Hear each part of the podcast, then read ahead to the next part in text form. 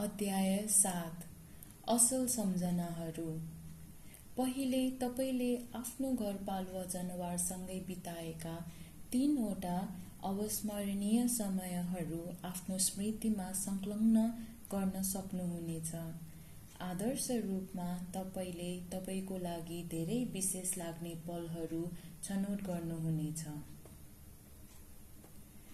अब तपाईँ आफ्नो घरपालुवा जनावरतिर फर्केर नमस्ते भनेर तिनीहरूले कस्तो प्रतिक्रिया देखाउँछन् हेर्नुहोस्।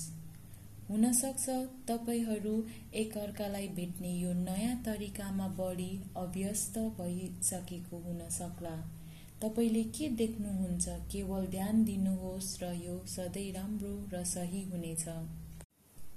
आफ्नो पाल्तु जनावर साथीलाई भन्नुहोस् कि तपाईँ आफ्नो जीवनमा केही ठाउँहरूमा फर्कन चाहनुहुन्छ जहाँ तपाईँले केही समय सँगै बिताउनुभयो होला र तिनीहरूले कस्तो प्रतिक्रिया देखाउँछन् हेर्नुहोस् र सुन्नुहोस्।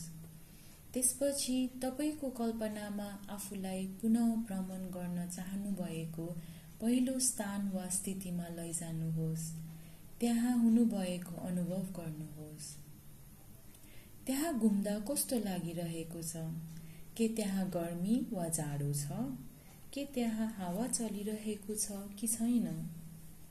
जब तपाईँले त्यो ठाउँ वरिपरि हेर्दा तपाईँलाई सम्झना भएका चिजहरू देख्नुहुन्छ के त्यहाँ केही चिजहरू छन् जुन तपाईँले बिर्सिनु भएको थियो जुन अहिले याद आयो होला? तपाईँ आफ्नो साथीसँगै हुँदा तपाईँले पहिलेका कामहरू गर्न सक्नुहुन्छ। हुनसक्छ तपाईँसँगै नयाँ चिजहरू गर्न चाहनुहुन्छ।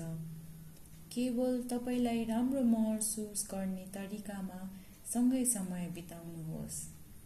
सायद तपाईँको साथीले तपाईँलाई केही नयाँ ठाउँहरू देखाउन सक्लान् जुन ठाउँहरू तपाईँलाई पनि थाहा थिएन होला।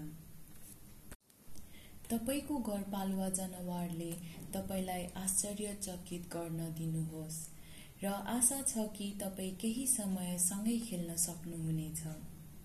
आफ्नो समय लिनुहोस्।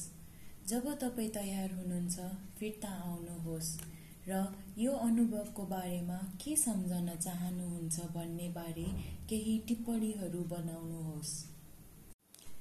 तपाईँले पुनः भ्रमण गर्नुभएको दोस्रो र तेस्रो अनुभवको साथ समान अनुक्रमण गर्न सक्नुहुन्छ। सायद तपाईँलाई पहिलो यात्राको अनुभव पचाउनको लागि एक वा दुई दिन पर्खिन मन लाग्ला। सायद तपाईँ ती सबैलाई भेट्न पाउँदा खुसी हुनुहुन्छ र केही थप ठाउँहरूमा पनि यात्रा गर्न मन लाग्ला। जति सहज महसुस हुन्छ त्यति वा थोरै गर्नुहोस्। आखिर तपाईँका घरपालुवा जनावरहरू तपाईँलाई राम्रो भएको चाहन्छन् र तपाईँले यो यात्रा आफ्नो गतिमा लिन सक्नुहुनेछ।